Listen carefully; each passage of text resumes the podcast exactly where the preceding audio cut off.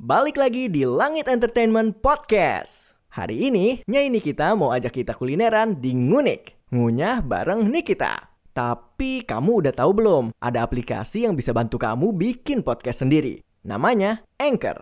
Anchor ini gak ribet sama sekali. Cocok buat pemula yang baru pertama kali bikin podcast kayak kamu. Anchor bisa di-download dari App Store dan Play Store atau juga bisa diakses dari website www.anchor.fm. Selamat bikin podcast.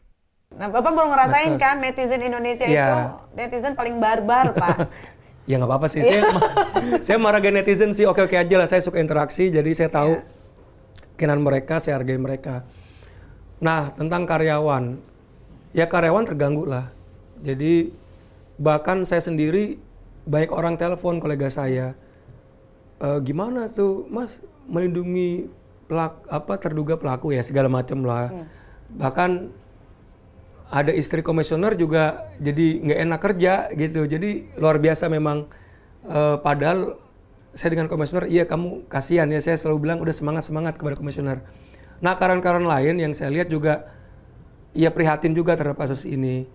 Ya saya juga bilang kepada kepala sekretariat agar yang pertama pases harus dibuat ruang konseling ya di KPI karena kita kan kerja 24 jam. Ngawasin TV itu itu setiap hari 24 jam ngawasin TV walaupun dibagi 4 shift ya tiap orang 6 jam.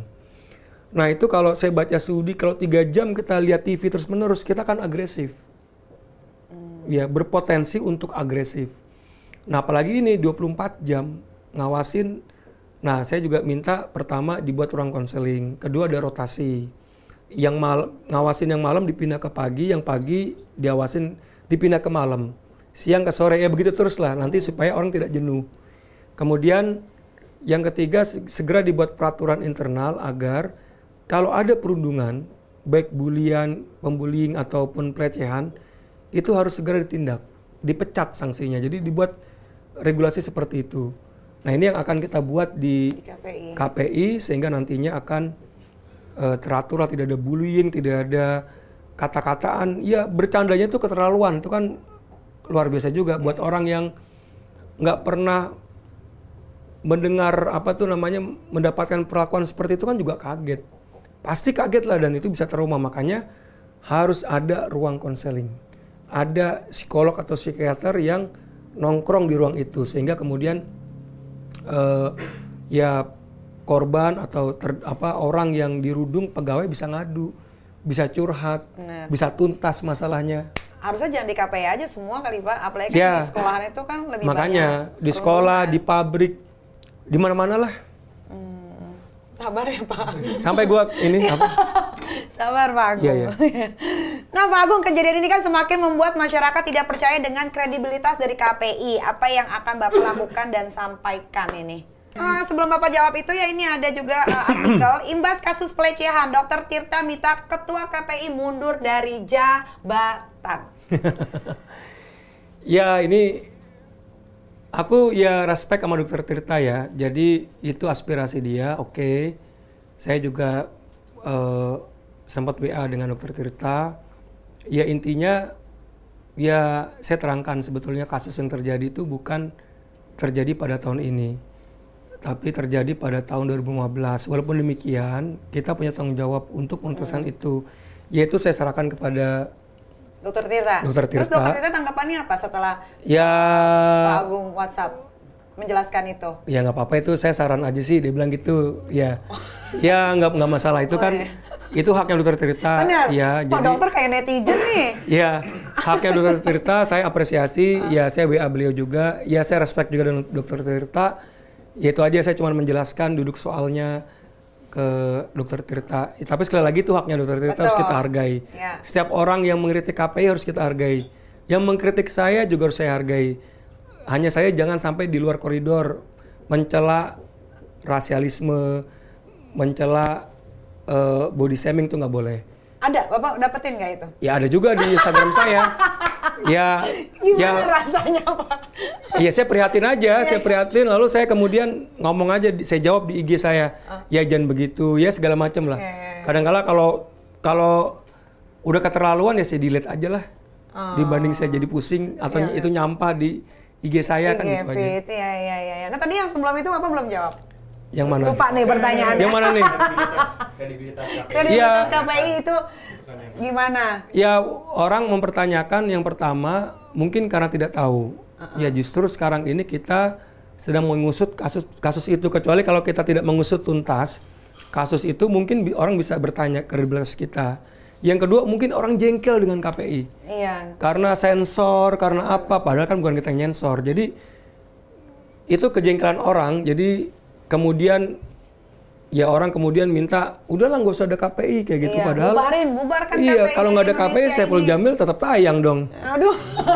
misalnya seperti itu misalnya Iya, ya iya, iya, iya. jadi kita harus balance melihat itu tapi sekali lagi itu adalah hak netizen kami hargai dan ini sebagai eh, ya cambuk untuk memotivasi kinerja kita itu aja Eh, Dengan adanya kasus ini, apakah eh, KPI akan berbicara dengan TV bahwa tidak ada pensensoran lagi? Ya memang nggak ada sensor jadi gini sensor itu hanya untuk dua hal Apa ini itu? netizen agar tahu ya yang pertama itu rokok Oke, kalau ngerokok gitu di disensor. blur nggak boleh di blur Oh, di kalau ngerokok tuh di blur nggak boleh di blur jadi eh, iklan rokok itu hanya boleh di atas Jam jam, 10. 10. malam Ah. dan itu pun nggak boleh menunjukkan orang merokok kalau menunjukkan ya di blur. Kemudian diakhiri dengan peringatan bahaya merokok dapat kanker lah segala macam Oke. ada itu yang pertama yang kedua kalau ada korban jadi misalnya begini Kalau ada tembak-tembakan? Iya, tembakan berdarah itu nggak boleh ditampilkan karena membuat orang ngeri. Gitu. Dan itu memang jadi standar internasional. Oke. Di Jepang itu ya ada tsunami saat itu korban nggak pernah dikasih lihat. Memang itu standar. Kalau di Jepang mah bukan tsunami doang, Pak. Iya banyak. art- Wike-wike. Iya. Artinya artinya gini. Iya, cuma dua itulah, dua itu. Nah, kalau ada patung di blur gue juga bingung. Nah, Gua nggak pernah, KPI nggak pernah minta itu di blur patung Shizuka, apalagi tuh terusnya. Doraemon. Doraemon, ah, SpongeBob. SpongeBob nggak pernah. Sapi di blur nggak pernah itu bukan perintah KPI. Ah. Gue juga kaget waktu jadi ketua KPI disodorin Shizuka ini tahun berapa? Bukan tahun gue pas gue lihat ya ampun kok sampai kayak begitu amat ya? Kok lu misalnya sampai orang bilang gini kok otaknya orang KPI birahi banget sampai di blok sampai di blur? Come on gua nggak pernah ngeblur. Gue juga gue gini ya di sini gue imbau di acaranya nyai nih udahlah TV lu nggak usah ngeblur. Nah, kartun itu nggak usah di blur patung nggak usah di blur please deh jangan ada ngeblur yang mengakibatkan orang Imbasnya kemudian ke ke KPI, KPI.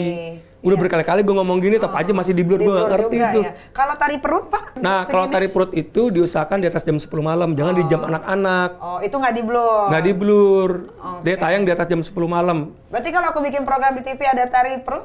boleh di atas jam 10 malam. Di atas jam 10 malam boleh, Boleh ya? karena itu diperuntukkan memang untuk dewasa. Jadi asumsinya adalah anak-anak udah tidur jam 10 kan besoknya sekolah. Iya, iya, iya. nah kalau sore ap- apalagi pagi jam anak itu nggak boleh. Oke. itu aja sebetulnya. Nah orang tuh bener ngeblur ini apa ini kita mau tayangkan pagi kartun pakai bikini ngapain di blur Ya kan kartun ya, ini Pak? kartun patung ngapain di blur nggak boleh nggak apa malah nggak boleh. Ngapain ngeblur ngeblur gitu? Kalau Iya. memang ada tayangan dewasa yang nyai bilang itu di atas jam 10 Iya, iya, oke. Nggak ada tayangan Indone- wah, dewasa di Indonesia, Pak. iya Nggak. di Jepang ya di Jepang ya di Jepang, ya di Jepang Ah, ui, ui, gitu. mau pindah ke Jepang ya Pak Agung, sudah berkomunikasi dengan Ketua KPI sebelumnya belum? Eh, secara tidak langsung ya, jadi komisioner-komisioner ini sudah menghubungi beberapa ketua KPI ataupun pengurus KPI periode itu, dan memang mereka juga menyatakan tidak tahu ada kasus seperti itu. Karena si, si korban diam berdiam Trauma. diri ya, sampai Trauma. akhirnya meledak sendiri. Iya, korban trauma, traumatik lah. Iya, iya, iya. bisa dirasain sih. Soalnya aku pernah bully orang juga. Iya kan? Iya, gua aja Dulu ya zaman SMA. dapat pemberitaan kayak gini aja tertekan, cuman ya kayak orang tidur, tapi sih gue enjoy aja lama-lama gue menikmati kok. Iya. This life, this is Yes. life, Pak. Ya kan, harus ada yang harus ada yang masalah, harus ada yang Yes. baik-baiknya. Jadi seimbang. Welcome back to Langit Entertainment Podcast. Celotehan Nyai siap menemani hari kamu agar masih seru. Eits, tapi sebelumnya kita mau sharing dulu nih. Kalau sekarang udah ada aplikasi yang bisa bantu bikin podcast sendiri. Namanya Anchor. Anchor ini nggak ribet sama sekali. Cocok buat pemula yang pertama kali bikin podcast kayak kamu. Anchor bisa didownload dari App Store dan Play Store atau juga bisa diakses dari website www.anchor.fm. Setelah dibuat, podcast kamu bisa langsung upload ke Spotify dan lain-lain lewat Anchor juga loh. Udah deh, langsung aja yuk kita mulai podcastnya. Penasaran gak sih Nyai bikin podcast ini pakai apa? Kita bikin podcast ini pakai Anchor loh. Mulai dari rekaman, edit suara, tambah lagu, pakai platform Anchor ini. Eits, nggak usah khawatir. Anchor ini gratis tis-tis. Bisa didownload dari App Store dan Play Store atau juga bisa diakses dari website www.anchor.fm. Selain kasus pelecehan seksual, Pak, ada Saiful Jamil yang kemunculannya di TV menjadi kontroversi setelah dirinya bebas dari penjara. KPI minta televisi hentikan glorifikasi pembebasan Saiful Jamil. Itu gimana, Nah Pak? ini nih, ini nih. Ini Bapak yang bilang. Iya itu statement surat jadi gini, surat KPI ya pasti dari tangan gua kan. Ya, Gua ngomong gue gelo pantas gak sih? pantas Pak, Nah, kan masih gitu. muda, aku juga anak muda. Jadi gini, netizen tuh protes, oh kalau sudah viral baru bertindak gitu, salah. Karena memang kita kerja pasca tayang kan, Iya. ketika ditayangkan baru kita bergerak. Makanya tadi gue bilang, gue nggak ngerti tuh kok ada se- ada apa tuh namanya Shizuka patung di blur, nggak ngerti juga gue. Karena udah ditayangkan, sama kasus ini. Jadi gue kan nggak tahu kalau atau sorry TV lah yang kemudian menayangkan Saiful Saiful Jamil. Jamil kan gue juga nggak tahu ya kan memang kita kerja pasca tayang pas gue lihat ya ampun norak banget ya Iya. ya keprihatinan gue sama lah sama keprihatinan netizen gue nggak tahu mungkin lu sahabatnya Saiful Jamil gue nggak tahu enggak, ya enggak ada sahabat. jadi lalu keluar dari penjara diarak seperti pahlawan Iya. dengan mobil Porsche yang Terbuka, merah. iya. yang terbuka itu. Ya kayak pahlawan lah. Bahkan kalau gue lihat video pembebasan Nelson Mandela yang mantan presiden Afrika Selatan itu itu nggak se- sebegini-begini amat ya. Jadi gue lihat nih apa ya nggak sensitif norak mungkin Iya. bercampur baur di situ. Lalu kemudian netizen minta agar KPI melarang itu sampai tembus 300 ribuan. Ini luar biasa loh. Demokrasi kita berjalan gue lihat seperti itu. Ya udah kemudian kita rapat segera minggu malam diputuskan dihentikan tayangan itu terkait dengan Saiful Jamil. Eh, Tayangan apa tuh Pak? Saiful Jamilnya jadi gini. Jadi Saiful Jamilnya yang di, yang di stop dari TV ya atau programnya? Saif- Saiful Jamilnya. Programnya tetap Oh berarti Saiful Jamil udah nggak bisa muncul di TV mana pun? kecuali dalam program berita. Yang disamakan dengan kayak misalnya ter- Kalau cuma nyanyi doang? misalnya gitu kan kan ada berita tuh kayak kan ada Iya, beritanya iya, iya. kan yaitu diperbolehkan dia tampil di TV cuman kalau dia sebagai Talk show? talk show talk show yang hiburan ya Hmm. kecuali untuk kepentingan edukasi nah itu nggak apa-apa tapi kalau hiburan nggak nyanyi boleh gitu? Sama sekali. sama sekali Nah, kan? Lagian emang bener sih Pak, emang lebay banget sih. Mungkin kesalahannya adalah Saiful Jamil itu terlalu lebay saat saat pembebasan. Sebenarnya Iya. kalau dia nggak lebay, fine fine aja sebetulnya kan, ini kan orang bilang ini hak asasinya Saiful Jamil? Iya, sebenarnya cuma fine fine aja kan? gini itu hak asasinya Saiful Jamil tetapi dalam hal ini dia harus ada hak publik juga yang harus juga dihormati di televisi jadi kita mengakomodasi hak publik apalagi di dalam standar program siaran kita ada tentang norma kesopanan norma kesusilaan. Nah kalau kemudian beliau itu tampil di layar kaca lalu orang kemudian bi- bisa permisif dong. Oh kita juga bisa dong melakukan eh, atau seperti yang dilakukan oleh beliau. Misalnya seperti itu. Nah ini yang kemudian nanti takutnya ditiru oleh masyarakat. Oh kok santai-santai banget ya dia kan pelaku ini. Lalu juga orang bilang bagaimana dengan perasaan korban? Ya ini memang eh, akhirnya memunculkan standar di televisi kita bahwa setiap pelaku kriminal ya nanti di klaster ya karena gini kalau narkoba boleh nggak pak? Narkoba kan rata-rata korban. Dia bukan bandar. Lo kayak aku berantem. ya nanti kita lihat. Ya tapi kalau yang paling parah itu adalah kejahatan seksual pedofil. Karena memang sekarang itu di DPR sedang membuat rancangan undang-undang tentang kejahatan seksual. Jadi memang ini menjadi tren yang apa tuh namanya eh, tren ya yang diakomodasi di berbagai regulasi termasuk regulasi penyiaran. Jadi kalau narkoba berantem itu nggak masuk. Yang memang jadi tekanan itu memang kejahatan seksual eh, apalagi kalau menyangkut pedofil. Nah ini yang kemudian eh, ya ibaratnya harus dibatasi gerakannya. Bahkan ada suatu negara kalau pedofil dikasih alat dia supaya gerakannya dapat dipantau oleh polisi sampai seperti itu loh. Nah ini mungkin juga pekerjaan rumah buat kita ya bukan hanya buat KPI tapi buat eh, lembaga kita negara, negara kita secara keseluruhan untuk kemudian mengadopsi apa yang terjadi di luar negeri untuk menjadi undang-undang. Oh, Oke, Pak, ada rencana nggak dalam waktu dekat ini ketemu Saiful Jamil? ya boleh aja kalau Kenapa kalau ya di netizen kan gitu Eh, Pak Ketua tolong dong ketemu Saiful Jamil. Saya tanya boleh nggak? Mau nggak? Jangan Pak. Nanti. Ya gimana gimana gitu. Cuma gini. Cuma gini nggak apa-apa sih. Gue mau ketemu dia nggak apa-apa. Ya. Eh, silakan. Gue terbuka buat Saiful Jamil mau ke kantor KPI mau gue cuma di kantor KPI aja deh. Nggak Biar- ketemu Pak Agung? ya ketemu gue juga di kantor KPI. Nanti kita ngobrol di kantor KPI nggak apa-apa. Oh. Tapi akhirnya kalau kayak gitu, tapi susah juga sih Pak kalau ngomongin soal pedofil ya. Tadinya aku Yes. mau bilang jadinya matiin rezeki orang, tapi balik lagi kan Indonesia ternyata punya peraturan baru kan. Iya, iya gini lah, intinya gini.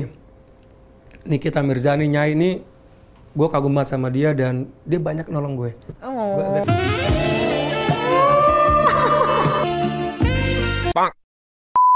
Dia oke banget deh. Intinya gini, buat Nyai, buat teman-teman semua, kita kan artis ya, kita tuh public figure, kita tuh dilihat oleh orang banyak.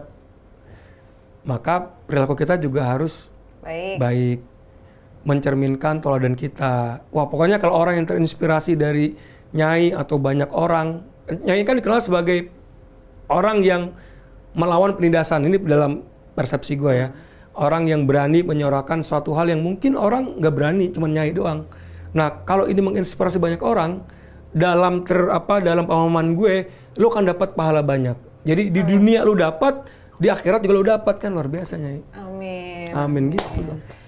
Ya ampun Pak Agung, terima kasih loh aku disanjung-sanjung. Nanti Pak Agung harus datang ya ke acara uh, premier film aku, aku bikin film. Wah, wajib. Tentang Indo- tentang yang terjadi Di di, bioskop? Indonesia. Iya dong. Emang udah boleh ini? Belum nanti uh, syutingnya bulan Januari. Sip.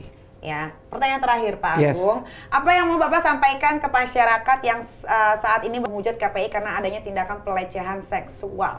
Karena masyarakat Indonesia ini kadang-kadang nih gampang banget nih uh, kemakan sama berita-berita yang provokasi. Ya, buat netizen, masyarakat, eh, pertama saya sebagai ketua KPI mengucapkan terima kasih kepada masyarakat yang sudah memberikan perhatian bahkan mengawal kasus yang ada di KPI, termasuk juga kasus Saiful Jamil. Saya mengucapkan terima kasih bahwa netizen kompak, masyarakat kompak ini adalah hal yang baru di Indonesia. KPI akan memperhatikan dan bahkan mengakomodasi aspirasi netizen untuk kepentingan perbaikan televisi ataupun layar kaca. Ini luar biasa. Ini yang pertama. Yang kedua, buat netizen, eh, dukung KPI untuk menuntaskan segala masalah yang terjadi di masa silam. Eh, dukung KPI untuk membuat penyiaran yang berkualitas. Kemudian yang ketiga, eh, lihat selalu berita di KPI maupun di IG saya.